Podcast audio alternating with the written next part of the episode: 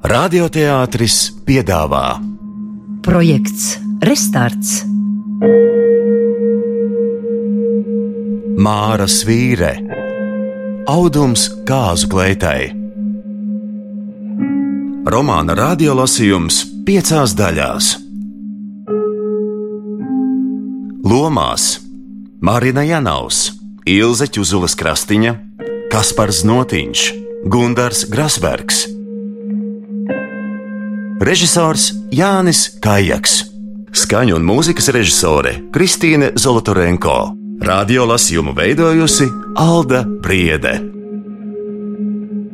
Skan radio iestudējuma trešā daļa.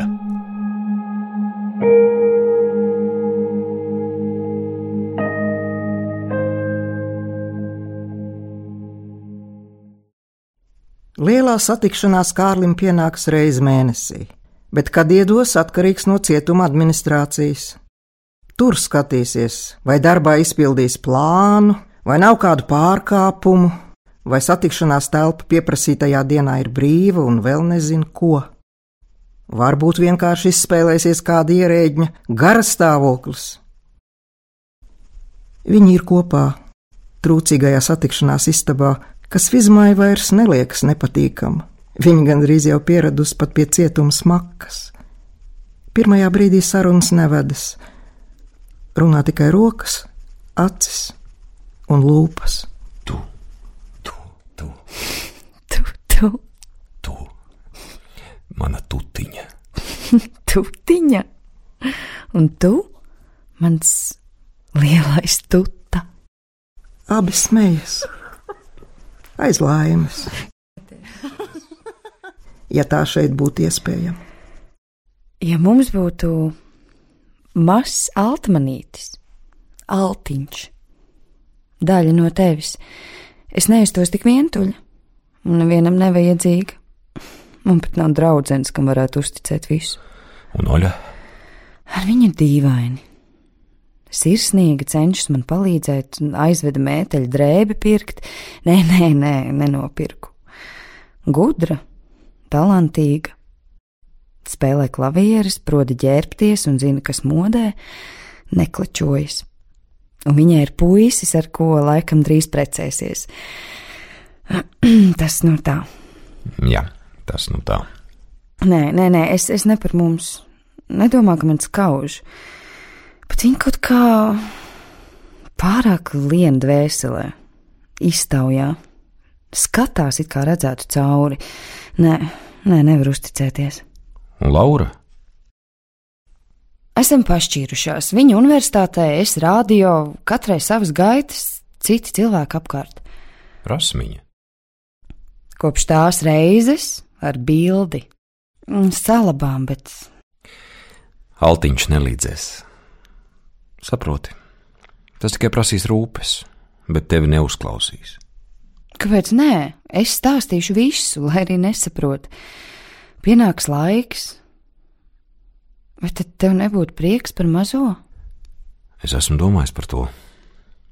Īpaši pēc tam, kad mēs nepaturējām. Tomēr labi vien, ka tāda nav. Jo kam gan būtu vajadzīgs garīgi un fiziski ierobežots cilvēciņš? Ko tu runā? Kāpēc, kāpēc ierobežots? Un ko tu atbildēsi, kad maziņais jautās, kur mans tētis? Kad cietumā izdomās kaut ko. Tu nevarēsi strādāt, kamēr viņš būs autiņos. Vēlāk, kur liksi? Cilvēki kaut kā tiek galā. Man ir māmīte. Tēvs arī. Kādos vārdos tevi sauks, kad būsi atnesusi bandu bērnu no cietumnieka? Un nauda? Izkuņojusies no sagas, Vizma jūt, ka vēsums ložņā ap kailu augumu. Viņa ceļas, lai ģērbtos. Kārlis neļauj, apskauj un čukst. Nedusmojies. Es saprotu, tu manas dēļ melo darbā, salsti aiz sētas ar paciņām. Atdod vislabāko un dārgāko, kas tev ir, savu sirsniņu, bet es visu to pieņemu kā pašsaprotamu un vēl uzbruku tev ar augsta prāta slēdzieniem. Nē, ne augsta, bet karsta. Jo man nekā cita nav ko darīt, kā domāt. Arī tad, kad krauju, zāģēju, ēbelēju. Kārlis jūt, ka viņa krūtīm piespiestā vizmas seja kļūst mitra. Neraud, mazulīt, mīlulīt, vīzulīt, tutiņa. Redzi, atradām jaunu vārdiņu.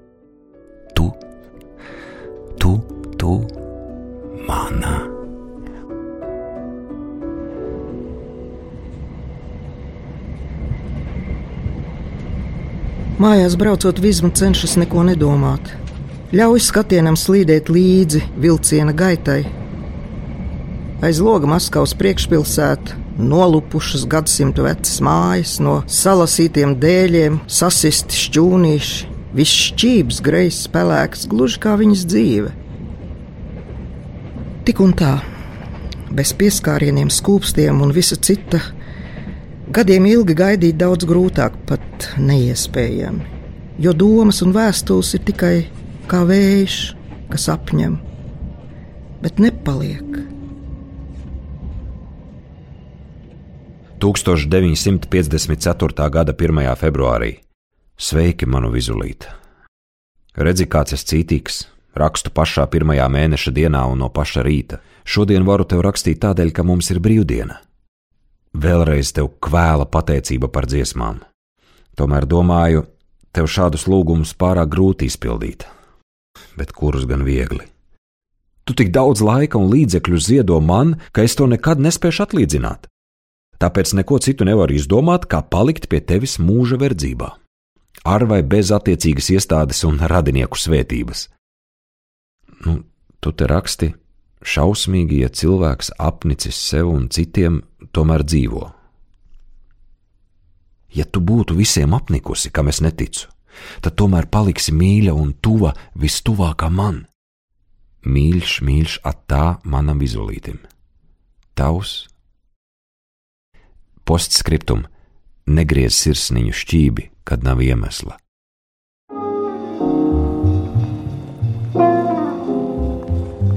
Saņēmusi algu, Vizma aizlēžas no darba agrāk, lai paspētu uz tirgu līdz slēgšanai. Somiņā 500 rubļu.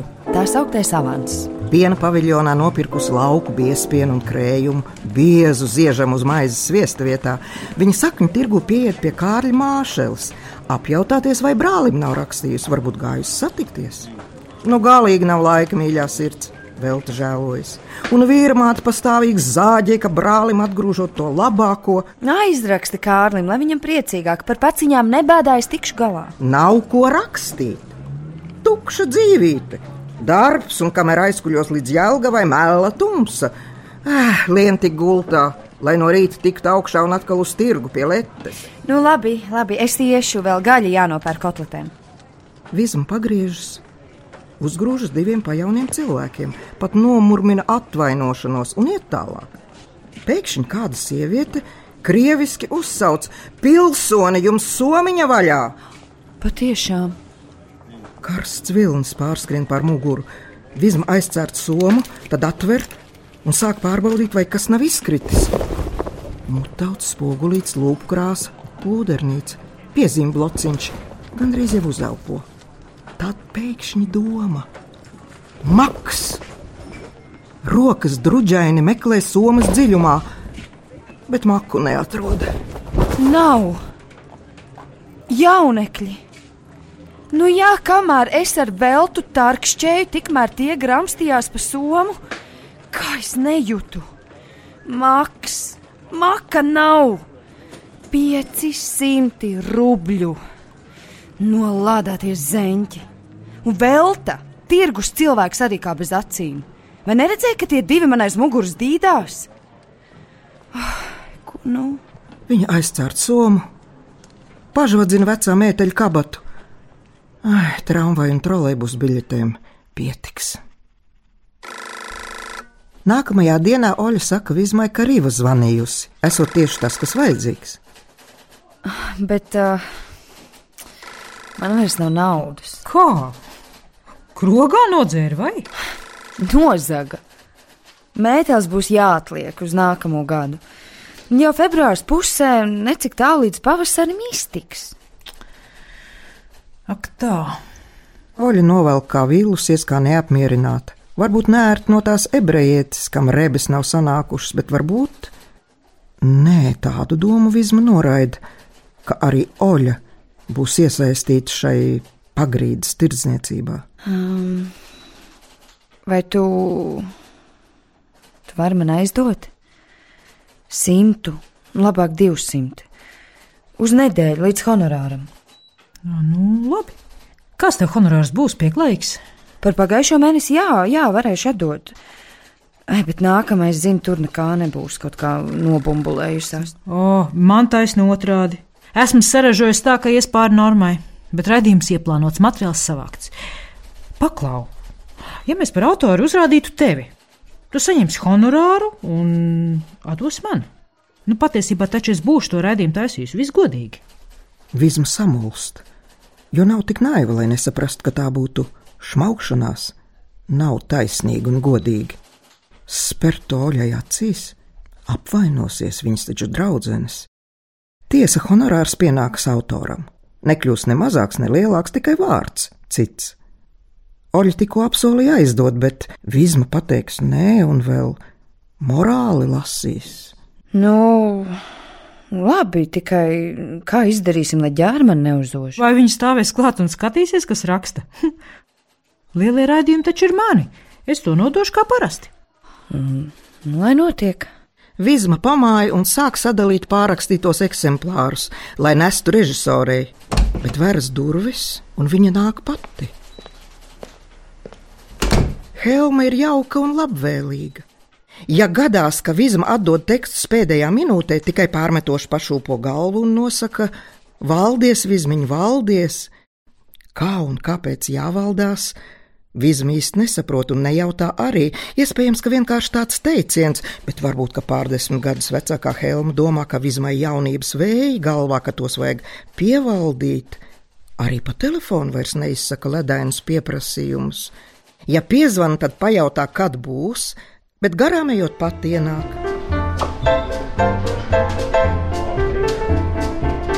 Helma pastāsta, ka pieprasījusi arotbiedrībai istabu vasarnīcā. Tiem, kas mitinoties komunālajā dzīvoklī, piešķirot pirmām kārtām. Cik tas maksā? Necik, trīs rubļi mēnesī. Oh, tad jau vai viss pieprasa? Nav jau tik skaisti, kā izklausās. Māja mikla, zem priedēm, saule neiespīd un, saprotams, nekādas apkurs. Ģimenes cilvēki plēšas pēc istabām saulainākās vasarnīcās.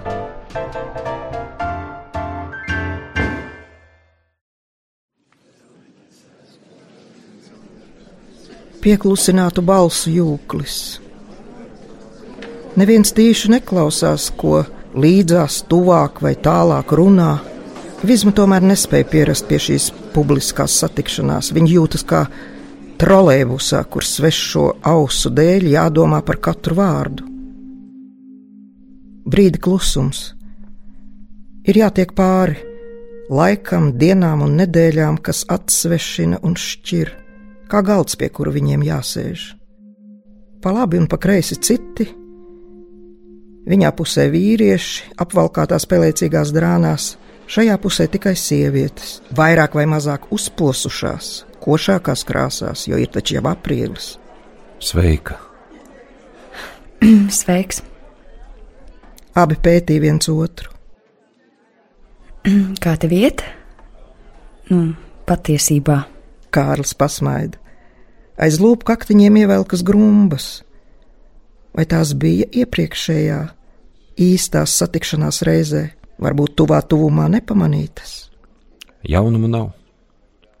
Ja arī kāds sīkums gadās, to grūti no malas saprast, ja pats nav dzīvojis šajos apstākļos, režīmā, attiecībās. Patiesā dzīve ir domās, kas mani saista ar to pasauli, kur esi tu. Tad vēl grāmatas, filmas. Vizulīt, kas ar tevi notiek? Tu tik vājiņi un zili riņķi zem acīm. Mm, nepatīk vairs. Man tu esi mīļa vienalga ar vai bez riņķiem, bet tevis pašas labā. Varbūt jāpārbauda veselība. Kursa darbu nerakstu, ieskaitas nekārtošu, lai atskaita, bet varbūt pati pamatīšu. Kāpēc? Vismaz šo gadu pacenties beigt. Lai skaitītos nepabeigt augstākā, vai ne? Likās, neklātienē būs vieglāk, varbūt pat vienā gadā divus kursus, uh, kur nu ir daudz grūtāk. Bet tomēr zaudēt trīs gadus. Zini, man savu žēl, bet tā ir cita dziesma. Kad mani no šejienes izlaistu, un es pie tevis ierastos ar visām cilvēka tiesībām, nākamā dienā aiziet uz universitāti, izņemtu savus dokumentus, iesniegtu politehnikuma vakara nodaļā. Pēc trīs gadiem būtu pilntiesīgs elektrotehniķis, un sava iztikšana mums būtu. Tad es arī varētu. Ja abi, ja tu mani pastumdītu, pavilktu, tagad kāpēc? Mīļumiņ, esmu nolaidusi spārniņus, asarās samirkuši. Zini, Oļai ir pielūdzējis no tā tehnikuma. Pasniedzējs. Izskatās, laikam, precēsies. Saprotu. Bet tu? Baidies, ka pēc nedēļas savas 23. dzimšanas dienas naktī būs jākožas ar zobiem spilvenā, jo kaut kas aiziet garā? Manā vietā zem sarkanās segas gulēs šaubas un čuksties. Ko tu muļķi iesāks ar viņa apsolītajām pirmtiesībām? Vēl septiņi gadi, tā čukstēs šaubas. Izbeidz. Citi skatās, domās, ka strīdamies. Labi, labi. Tikai atceries, mīļumiņ, tu esi pilnīgi brīva. Un ko tad tu? Nu, kā redzi, sēžu un vēl ilgi sēdēšu. Vizulīt, piedod, nevajadzēja tā. Laiks patiesībā iet ātri. Mans kameras biedrs Reinholds, tu varbūt ievēroji, viņam bija satikšanās pēc mums. Kamēr sēž uz beņķīša un gaida, šo aizsauc uz spēcdaļu un paziņo, ka no sroka pieci gadi nomesti. Fiks var taisīties mājās, šodien jau dzīvojas pa līgatni. Vajag rakstīt, prasīt, lai pārskata. Tu domā, ka es nerakstu? Visi rakstām un prasām, bet prokuratūra un tiesa. Eh. Nerunāsim par to. Cerēsim. Ja tu dabūtu lielo tikšanos tieši 14. aprīlī, mēs abi varētu nosvinēt manu dzimšanas dienu bez košanas spilvenā. Ar kagoru. Nē, vīnu kontrolē atņems un paši iztemps. Bet tikšanos pamēģināšu. Vizmai piešķirtā vasaras istabiņa ir pavisam maza. Nepilni 4 kvadrātmetri. Līgumā ierakstīts precīzi, tas ir 3,8. Līdzās helmas, kabūzis, kā viņi to sauc. Gandrīz otra tik lielāks, bet tā arī pienākas. Helma radio komitejā strādā jau diezgan ilgi, turpretim Vizma. Ai, brīnums, ka vispār ko dabūja. Helma piedāvājas kādu dienu pēc darba aizvest apskatīties. Plānojums kā visās vecajās jūrmālas vasarnīcās - vidū liela istaba, no tās durvis uz maziem kambarīšiem, caurstaigājams koridors, nekā vairāk. Bet puiši ārā nolikuši novus galdu un cauriem vakariem rauj vaļā, bliukt un blaukt, bet pierod, tāpat kā pie električkas. Māja dreb, kad skrien garām, pagaidām retāk, bet uz māju ik pa desmit minūtēm un it kā pierunāts elektriskais vilciens aiznesas uz Rīgas pusi. Ja negribēs agri celties, rītos nenopeldēsies. Tehniskās daļas puiši tie gan skrien no rītiem. Lustīgi kompānija tur apakšā.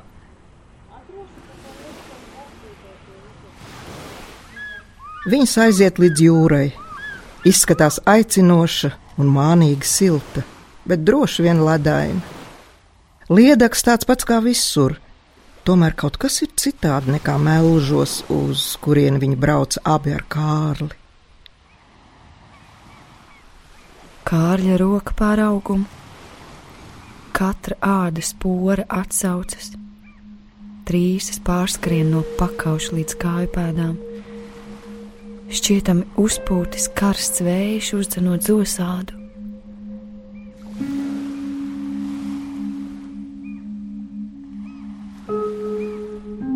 10. jūnijas. Vairs ne divi mēneši līdz. Līdz kam? Vientulīgais vilnēšanai smiltīs?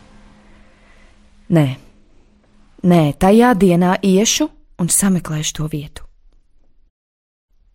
Jā, jūra iespaido. Uz bulduru vai dzintaru pusi tur muģ kā skudrpūznis, bet šeit klusāk, ap vasarnīcu vakaros pat migla sakāpja. Labvakar, mīlulīt! Par spīti, ka tev neiedevi satikšanos, nolēmu savā dzimšanas dienā aizbraukt komandējumā un nosvinēt viena pati augstā viesnīcas istabā. Bet ierakstu mašīna bija vajadzīga Rīgā un komandējums izputēja. Darbā man uzdāvināja kuplu alpu violīšu podiņu, iedzērām kafiju ar cepumiem, vakarā atnāca Laura, atveda līdzi pāris kursa biedrenes, vārdu sakot, iznāca vecmētu ballīte, kā tu saki. Naktī drusku paraudāju, jo salu. Kaut uzsedz mūsu sarkano vatātos sāgu zem, kuras abiem bija tik labi.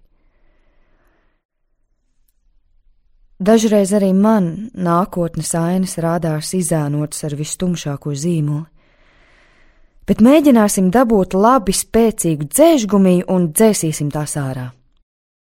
Tas izdosies. Būs mums jauna dzīve, radīsies mazie altiņi, jaunas rūpes un prieki. Tici man, tāpat kā es ticu tev. No matu galiņiem līdz kāju nadziņiem - tava. Vizma vēl nav saņēmusies izstāstīt mammiņai par vasarnīcu, tāpēc pārcelšanās kavējas. Helmai tas nav jāzina. Viņa vizmas minstināšanos izskaidro pēc savu prāta. Ja nav kas aizved, varu sarunāt kādu no aktieriem. Nē, ar tā apgrūtināt, nē, nē, paņemšu taksi. Valdies, vizmiņ, valdies! Lepnība nevienmēr atmaksājas. Esat taču pazīstami, labprāt izpalīdzēs. Tātad tuvākajās dienās mājās jāpasaka. Labi, ka alga tikko saņemta. Nolikšu uz galda divus, nē, trīs simtus, tad saruna būs vieglāka.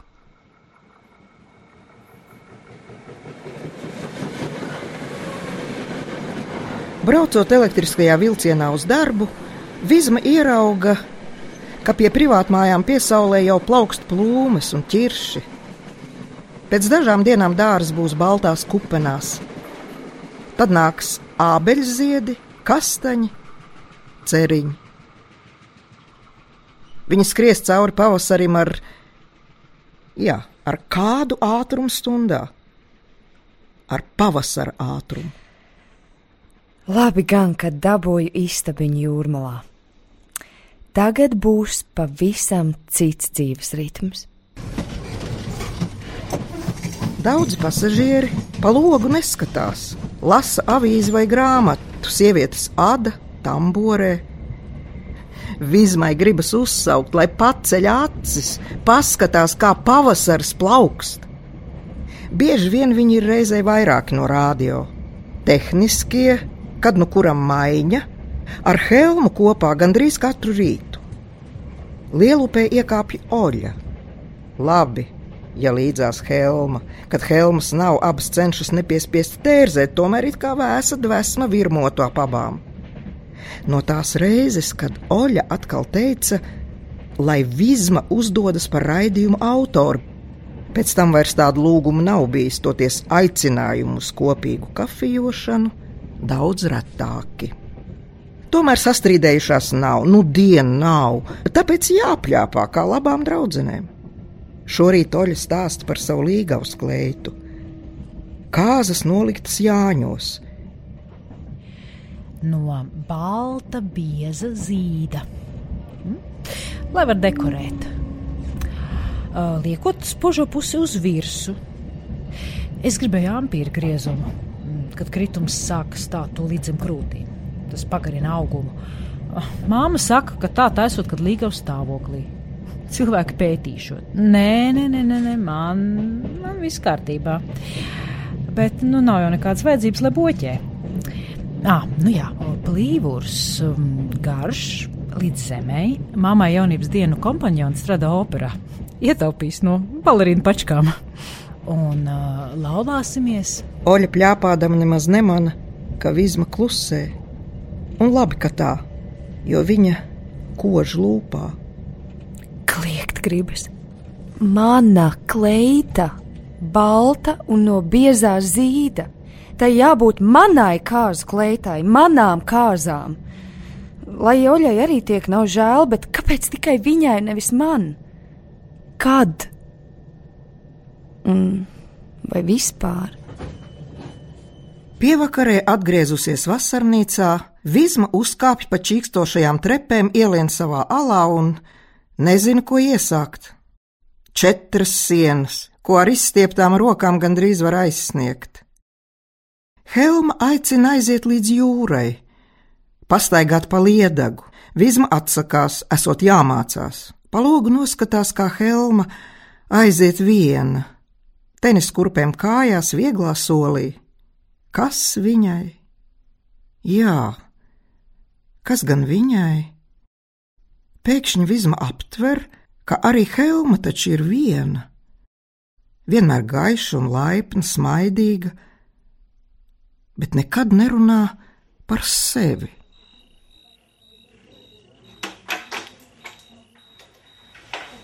Lejā zem loga sāk knakšķēt novusa kauliņi. Tikš, takš, plakš. Šķiet, katrs atsitas pret deniņiem vai pieri. Vizma atgrūž logu un uzsauc. Evo, es uzmetīšu jums atombumbu. Tev ir? Divas, ja vajadzēs. Paklau, nemet! Labāk nones lejā! Mums viena mamma nāvīgi apdaudzījusies derēs tās vietā. Nāc pati uzspēlēt. Es neprotu. Mēs iemācīsim. Gal galā, kurš zaudēt, lai māca? Tik un tā es panākšu savu. Spēle būs izjaukta. Lielie spēlētāji ir skaņu operators Egīls, Ivars no Rūpniekiem, ar kuru Vizma bija kopā komandējumā Latgalē, vēl tehniskās daļas puiši Edgars un Guntis, kurš ziemā palīdzēja tikt galā ar komjonetnes biedru naudas nebūšanām. Tukšām rokām, kur tad atombumba? Vizma Novu stūmā redz pirmo reizi. Tāpēc pat neatbild, bet skatās, cik veikli un ātri Guntis sadzena pēdējos kauliņus bedrītēs. Vai viņš arī dzīvo šeit? Nebija redzēts. Es taču teicu, ka neprotu, tikai traucēšu. Viens tagad būs liekas, Ivars secina. Liekā nebūs. Mēs spēlēsim kopā. Nāc. Gunts aicina Vizmu pie novas galda un pats nostājas līdzās. Ivars un Egīls veikli sarindo kauliņus, un spēle var sākties. Vizmai gribas bēgt. Viņa te izskatīsies pēc pilnīgas idiotas, apsmieklam atnākusi. Bet ir jau par vēlu. Guntis pasniedz kiju, apņem vizmu no mugurpuses gandrīz kā apkampienā, savu roku uzlikdams viņas labajai, kas tur kiju, ar otru paregulēdams kreiso, lai tā pareizi gulētu uz galda malas un ļautu kijai slīdēt gar pirkstiem. Protams, no pirmā sitiena nekas nesanāk. Guntis pacietīgi skaidro, rāda, kā jāmērķē un kā pareizi jātur kīja. Tagad plauksta atkal uz viņējās, un liekas, ka Guntis ar rādītāju pirkstu it kā būtu pakustinājis, pagriezis Kārļa dāvināto gredzenu, ko viņa valkā uz labās rokas zeltneša. Īsts laulības gredzens tas nav, bet arī neparasta greznuma lieta. Zelta stīpiņā iestrādāts sarkans rubīna grauds, nelielāks par asins lāsi. Vizma jūt puīša elpu. Savādi, ka neož pēc tabakas. Atsitas pret vaigu kā sniega pārslas puteņa laikā, apsvilina, un viņa tumši pietvīkst. Par laimi neviens nevar redzēt, jo saule jūras pusē nolaidusies aiz priežu galotnēm, un šeit, pagalmā, zem kokiem, jau plivinās mīkrēslis. Adie, es laižos. Līdz rītvakaram, tad jau mums ies labāk. Vizma uzkāpa savā cellē, un gaisma neieslēgus nostājas pie loga. Dienā zeltainie priežu stumbri tagad satumsuši melni.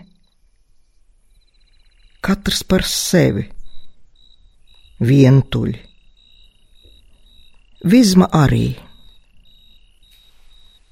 Vizma pagroza gradzenu. Vai Guntis patiešām gradzenu aptaustīja? Muļķības. Tomēr liekas, gribēja uzzināt, vai tas ir laulības riņķis. Ja nesā labajā rokā, tad tā var domāt. Atrada akmeni, šķautnes sataustīja. Kādēļ viņš tā pūlējās mācīt? Un vai citi paņēmieni nevarēja būt kā vienīgi gandrīz apkampjot? Nē, nē, nē, nē, nekā tam līdzīga, vienkārši iedomas. Bet, ja nu tomēr. Žigli nomet uz drēbes, viņa ielien gultā un nevar vien sasildīties, jo palagi ir nedaudz mikli. Nav laba. Šī vieta patiešām nav laba. Nākamajā vakarā, kad Vizma nāk no stacijas, pagalmā novusa kaislības jau iet vaļā. Kur tik vēlu? Nedrīkst jaukt anštalti. Vizmai šodien garstāvoklis labs, jo somā Kārļa vēstule. Vienreiz mājās, otrreiz vilcienā izlasīta, un viņa gatava uzsmaidīt visai pasaulē. Jā, es tūlīt nākšu. Viņa skriešus uznesis pa trepēm, Nosviež rokas somu uz matrača, norauj gaišu dzelteno blūzi, jo tai piedurknis kaut kā nērti iešūtas, traucēs kustības. Mm, ko uzvilkt? Rūtēno blūzi, kas nēsājam virs bruņķiem. Nē, nē, pieliecoties izskatīsies kā nokāries vēders. Melnos svārkus arī nost, lai nedabū baltā pulvera švīku. Nekāda apģērba kalna vizmai nav, tomēr ko vairāk varēja paņemt no mājām līdzi. Kaut šodien, ja ne iepriekš, bet tā sapriecājās par vēstuli, ka cits neprātā. Viņa uzģērbs sīk raiba katu un grietiņu kleitu, plats četrstūra kakla izgriezums, apdarināts ar šauru melnu samta lentīti, īsas kuplas piedurknes ar cakiņu aiz ievaramās gumijas, pieguļoša augšdaļa un kupli krokot svārki. Tie noplīvo, kad vizma pirms kāpšanas lejā apgriežas uz papēža Satverot durvju rokturi, skatiens apstājas pie gredzena. Vizma to ātri novelk un ieliek rokas somas mazajā nodalījumā. Puiši spriež, ka vajadzētu novilkt elektrības vadu no jumta dzegas uz priedi, virs galda iekārt spuldzi. Būtu labāka spēlēšana, visiem citiem arī patiktu, ka pagalms gaišs. Kādu vēl lampu, ja mums ir vizma un zaiga? Spožumu atliku likām. Tomēr vakardienas labvēlīgās noskaņas vairs nav. Vismaz šķiet, ka vainīga zaiga, kura acīm redzama nav labā omā. Pēc katra neveiksmīga sitiena ērrojas, taisnojas un aizrāda vīram, ka nepareizi pamācīs. Būtu situs, kā pati gribēja, tad trāpītu, bet Ivars pa laikam norūc: beidz! Iespējams, Zaiga vakar pārmetus, ka visi trīs tinušies ap to no bērnu redakcijas, un tāpēc šodien paņemta barā. Eju iekšā, beidzot saka Egīls, nomestams kiju. Tā nav spēle, bet bērnu dārzs. Nē, nē, es eju, jau vakar sacīju, ka traucēšu. Viņai pat kīja nav jānoliek, jo tā pašlaik guntim rokā. Vizma negrib sēdēt istabā kā mūķene, ies uz jūru, abas ar helmu. Viņa pieklauvē pie režisora durvīm, bet atbildes nav. Paver, istaba tukša, aizgājusi. Iečīksta skāpnes. Nē, tie nav helmas vieglie soļi, smagāki, vīrišķīgāki. Guntis. Muļķīgi iznāca. Tiešām kā bērnu dārzā. Egils tagad nelaimīgs. Mm. Sūtīja atvainoties. Es neņēmu ļaunā, bet, nu, patiešām jūs sava kompānija. Nu, tā. Redaktori iedomība ierunājās, jā. Jūs tie smalkie, mēs tehniskie melnieko. Nu, nē, ne, nemaz ne tā, tikai. Jā, nu, kur tu mums līdz jūsu radošajām virsotnēm pareizi? Pat lāgā pazīstam, nāsam, kāpēc strīdēties? Puisis strauji apskauj vizmu un būtu noskūpstījis, ja viņa spēja nepagrieztu galvu sāņus. Gunts atlaiž rokas, apsviežas un norībina pa kāpnēm lejā. Nērti. Abiem būs šausmīgi nērti. Viņam pārsteidzības dēļ, bet viņai, jā, kāpēc viņai? Neko nepieklājīgi taču neizdarīja. Nē, tomēr apvainoja. Bet nav taču jāļaujas katram, lai tikai neaizvainotu. Katram? Ja elpa svilina kā sniega pārslas puteņa laikā un neož pēc smēķiem, silta mierīga roka virs viņējās, un tikko manām kustību pārbaudot, kas tas par gredzenu. Nē, tomēr viss ir labi un pareizi. Tā vajadzēja. Jo Vizmai ir pilna rokas soma mīlestības, Kārļa vēstule. Satiekoties, Kārlis staro. Zini, mums te ir mašīnas, kas rāda, ko sievas mājās dara. Mana mašīna ir sabojājusies, necentīšos labot, tāpēc ka atzīstu par nevajadzīgu, un vēl gadās tās sabiezina krāsas. Tikai lūdzu, nedomā, ka esmu noskaities vai kaut kā tā. Tomēr nevaru saprast, kādēļ nedēļas laikā neesmu saņēmis nevienu vēstuli. Tici, netici, man, man nebija laika. Pārvācos uz vasarnīcu, bet, bet zinu, garlaicīgi. Un labi, ka atmetu domu par istabas īrēšanu, es nobeigtos vientulībā. Ko tu dari? Tā nobeigdamās vēstuli uzrakstīt nevarētu. Bez pienesumiem iztikšu, lai nevajadzētu to garo ceļu tev. Bet līdz pasta kastītē taču nav jābrauc ar tramvaju, ko. Tev reizēm patīk iedzelt kā ar bites dzelonīti. Labi zini, ka man savas dzīves nav. Tu un tev. Varbūt esmu nogurusi. Viņa pastiep pāri galdam roku, bet tikai kreiso. Kārlis satver to. Piedod, gan jau. Nav svarīgi, kur mēs dzīvosim, Rīgā vai laukos, bet svarīgi, cik saticīgi un mīļi dzīvosim. Vai ne tā? Pagaidām jūra laikam vēl augsta, bet aizvējā sauļoties var. Ej staigāt, elpo svaigo gaisu, priežu smaržu. Izmanto mīlulīt iespēju, uzlabo veselību, lai ziemā nebūtu atkal tonnām jādzer aspirīns. Tev galva nesāp? Tikai, kad jāraksta man dumja raidījumi. Un vēstules man. Atvadoties, Kārlis maigi apskauj vizmu un pieliecas, lai noskūpstītu. Bet uzvēdīja ar smēķiem sajaukt ķiploku smaka, un viņa parauja galvu sānis. Kārļa lūpas pieskaras vienīgi vaigam. Mm. Nu, līdz nākamreizei. Vai tad nevarēja pieciest? Ķiplokus pati sagādāja, tie cietumā glābiņš, lai nepazaudētu zobus un arī pret slimībām. Tabaks smaka. Nekad agrāk nebija traucējusi, jo pat pirmajam kārļa skūpstam bija smēķu piegarša. Vēlāk pierasta pat mīļa. Iespējams, ka vainīgs tas savienojums ar ķiplokiem. Kārlis droši vien apvainojās. Jāuzraksta mīļa, mīļa vēstule. Tikai rīt nebūs laika, jābrauc uz randas skolu, parīt algas diena, jāiznes mājās nauda. Kas zina, vai tēvs ko iedevis? Algas dienas mamīte atceras un gaida.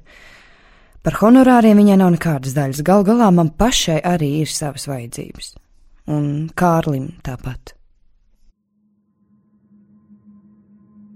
1954. gada 14. maijā. Puse sirds palika dzīvē, no kuras es šķirts. Puse sirds aiziet ar tevi, kā tālāk dzīvot, vienam bez sirds. Šodien mums bija satikšanās. Tas bija ap trim. Tagad ir pusseptiņi, tātad trīs ar pus stundas. Trīs ar pus stundas, viena paciņa cigarešu izgruzdusi dūmos un pelnos. Trīs ar pus stundas. Pirms tam es biju bagāts, jo mēs bijām divi, es un tu. Nesmējies, tu, tas nav maz. Aiz šī mazā vārdiņa man bija paslēpts daudz, atmiņas no tiem jaukajiem laikiem, kad katrā nodzīvotā dienā mēs atradām ko jaunu, viens otrā un sev apkārt. Šodien tu biji aizmirsusi mājās gradzenu, ko pirms gada ar lielāko prieku un sajūsmu uzvilki. Slēpi labo roku zem galda, lai es neredzētu, ka trūks nevien gradzena, bet arī raksturīgās gradzena iespiestās rievas. Tātad tu vairs to nenesā. Atvadoties, pagriezi galvu, lai manas lūpas nepieskartos tavām. Kāpēc? Pēdējā laikā to ar mīļajām vēstulēm, ar lielo uzmanību bija iegūsi pilnīgu manu uzticību. Es ticēju tev vairāk nekā pats sev, it sevišķi tajos brīžos, kad mani apņēma melns izmisums par garajiem gadiem. Tad atcerējos, ka tu teici, būs dzīve, vēlreiz būs, lai kā tomēr būs. Tā tad mani ļoti interesē tavējais, jo tu taču domā ar viņu mūžu nodzīvot kopā. Es jau negribu zināt skūpstu un visa pārējā skaitu, bet tikai vispār, kas viņš par cilvēku. Lūdzu, atraksti. Un par šai brīdī, kad jau pirmais domu jūklis pāri, man grūti ticēt, ka vienā dienā zaudēju sievu, māti, draugu. Sieva piekrāpa, māte kļuva par pamāti, draugs nolūza dažus soļus pirms finiša. Zini, es jau nepārmetu, man pat nav tiesību. Saprotu, ka raugoties citu dzīvē, citu laimē, pavisam negribot rodas jautājums, kādēļ man jānovīst malā? Vai esmu noziegusies pret kaut ko? Man taču ir tādas pašas tiesības dzīvot kā citiem. Jā, tiesības ir. Tās vajag izmantot, un jo ātrāk, jo labāk. Pagaidām sveiki, manu kādreiz tik mīļo vizulīti. Gaidu atbildes vēstuli, kaut pēdējo. Gaidu vēlreiz tikšanos. Labprāt ticētu, ka tas viss ir ļauns murgs, bet fakti, fakti ir stūrgalvīga lieta. Mīļš sveiciens mammītei, jo pie viņas jūtos kā pie savējās. Mīļumiņ, kas notiek ar tevi? Kas tā par vēstuli? Kāpēc tu mani aizdzen no sevis? Kāpēc? Kad tevi apcietināja, es zvērēju tev klusībā, sagaidīt mājās, sagaidīt, kaut arī tie būtu bijuši 25 gadi. Šodien šo zvērstu es varu atkārtot ar tikpat tīru sirdsapziņu. Tur rakstīt, it kā es būtu slēpusi roku. Tur nu gan tava aizdomīgā acis ir pārskatījusies, neko es neslēpu. Starp citu, šī bija trešā reize, kad esmu bijusi pie tevis bez gradzena. Vienu otru reizi, kad vakarā ko lielāku mazgāju, novelku un no rīta aizmirstas. Ja tu man mīļo zinātu, cik briesmīgas ir pilnīgi nepamatotas aizdomas, tu nedrīkst tā darīt. Man dzīvē nav nekā dārgāka par tevi. Viss, kas man ir, tas esi tu, un ja tu man zūdi, tad vairs nav kam dzīvot. Tu raksti priekšpēdējā vai pēdējā vēstule. Tā nebūs ne priekšpēdējā, ne pēdējā, kamēr es dzīvošu. Atceries toreiz 10. jūnijā Mellužos. Tu man ieguvi visu, kāda biju. Tāda esmu arī tagad. Man nav neviena melna traipa. Liec un skaties kaut mikroskopā. Tik un tā, tavs vizulītis.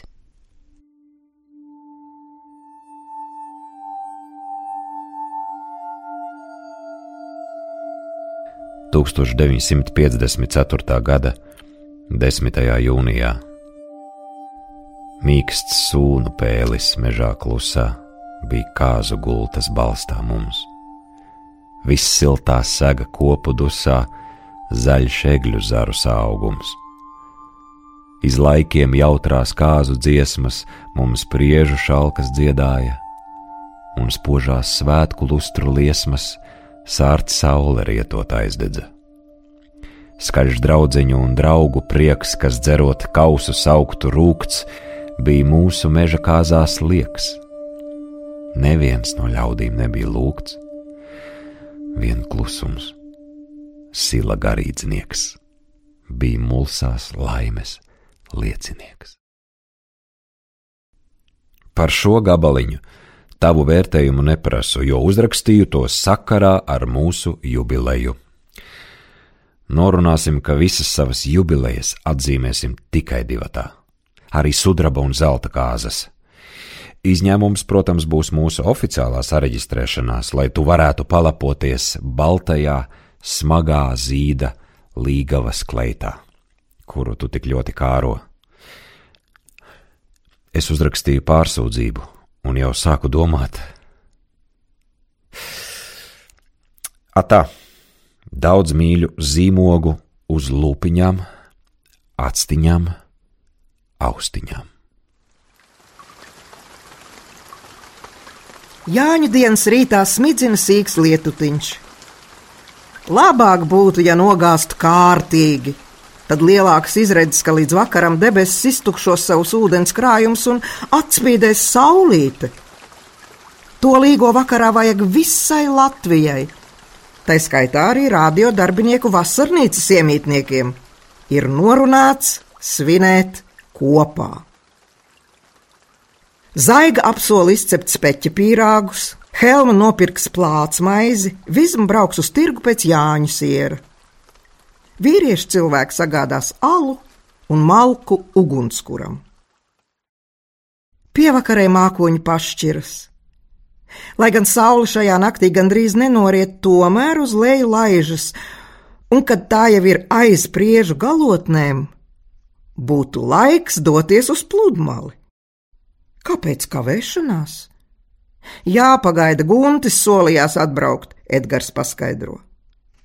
Viņa noliek savu somu uz soliņa, pie ārdurvīm un uzskrien augšā, lai, jā, ko darīt? Uzvilkt meitenīgo koķeto grietiņkleitu? Nē, nē, nē, tā bija mugurā to vakar, un varētu atgādināt, kad viņa noiet lejā, Guntis ir ieradies, bet ne viens kopā ar rūtu. Skaidri redzams, ka nav braukusi ne Edgara, Valentīna vai Egīla dēļ, jo cienasta soma abiem viena - meitenīgo koķeto. Ha! Te nu viņa ir, īstais puķu zirnītis. Visi tā vien saka rūtiņu un rūtiņu. Pagājušajā pavasarī beigusi vidusskolu, universitātē neiekļuvusi un atnākusi uz rādio strādāt par skaņu operatoru. Lai grieztu un līmētu magnetofonu lentes, liela skola nav vajadzīga. Galvenais - pirkstu veiklība, iemanīšanās un smalka dzirde. Reiz Vizma bija ierunājusi tenīs ar garumzīmi.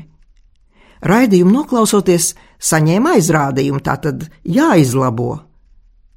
Un skaņu operatore garumzīmi izgrieza pāris milimetru lentes bet izgrieza.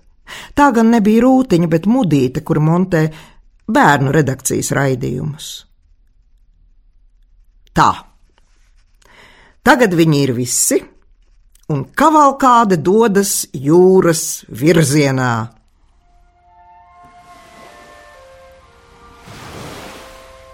Gar visu jūras malu, cik tālu vien redzams uz abām pusēm, ik pa gabaliņam ugunskurs aiz ugunskura. Viņi paliek kāpu aizvējā. Ivars nomet savu nesamo un kārto malkas šķilus, lai labi degtu. Zaiga noklāja zemē galdautu. Sievietes saliek uz tā ēdamos un šādus tādus traukus. Jāņu svinēšana var sākties. Radioaparātos, protams, skan līgo dziesmas, bet līdz pludmalei radio balss nesniedzas, un izrādās radio darbiniekiem nekādas izcilās balsis nav. Pa laikam uzsāk, bet netiek neko daudz tālāk par to pašu sitjānīti varabungas. Sarunas kā parasts par darbu un ap to. Drīz pienākšot jaunie magnetofoni, mez seši. Puiši runā par elektriskajiem parametriem un to kvalitāti. Maskavā eksperimentālajā rūpnīcā jau izmēģina reportierus, pārnēsājamus magnetofonus, Edgars pavēstīja. Korespondents, tad kungs un ķēniņš. Pats aiziet, ieraksta, pats atbild gan par saturu, gan kvalitāti. Bet nu stiepsiet gan! Gandrīz kā ūdens spainis plecā. Īvaram vīra cilvēkam nekas, bet tu vizmiņ, šķība sagriezīsies. Pagalam būs tava smukā figūriņa. Kad sakrēslo un ugunskurs met sārtu atblāzmu sejās, Vizma pamana, ka Guntes stāvēdams viņa pusliesmām, nezin kādēļ cieši skatās viņā. Pirmīt tā nebija, vai viņa neievēroja. Izlikties, ka, ka nejūtu, nejaušu. Bezskaunīgi lūkoties pretī. Vizma pamet vienu mirkli, lai saprotu, ka redzējusi, tad novēršas, bet nezinu, kādēļ jāpaskatās vēlreiz. Abu acis sastopas un kādu brīdi nešķiras. Vizma vairs nedzird, ko citi mēļo. Viņa lasa, ko saka tās acis tur, viņa pusugunskura. Tad novēršas, bet pēc laiciņa jāpalūkojas atkal. Viņš skatās, viņu skatieni runāja ik pa brīdim. Vai tas, ko nozīmē vizma min?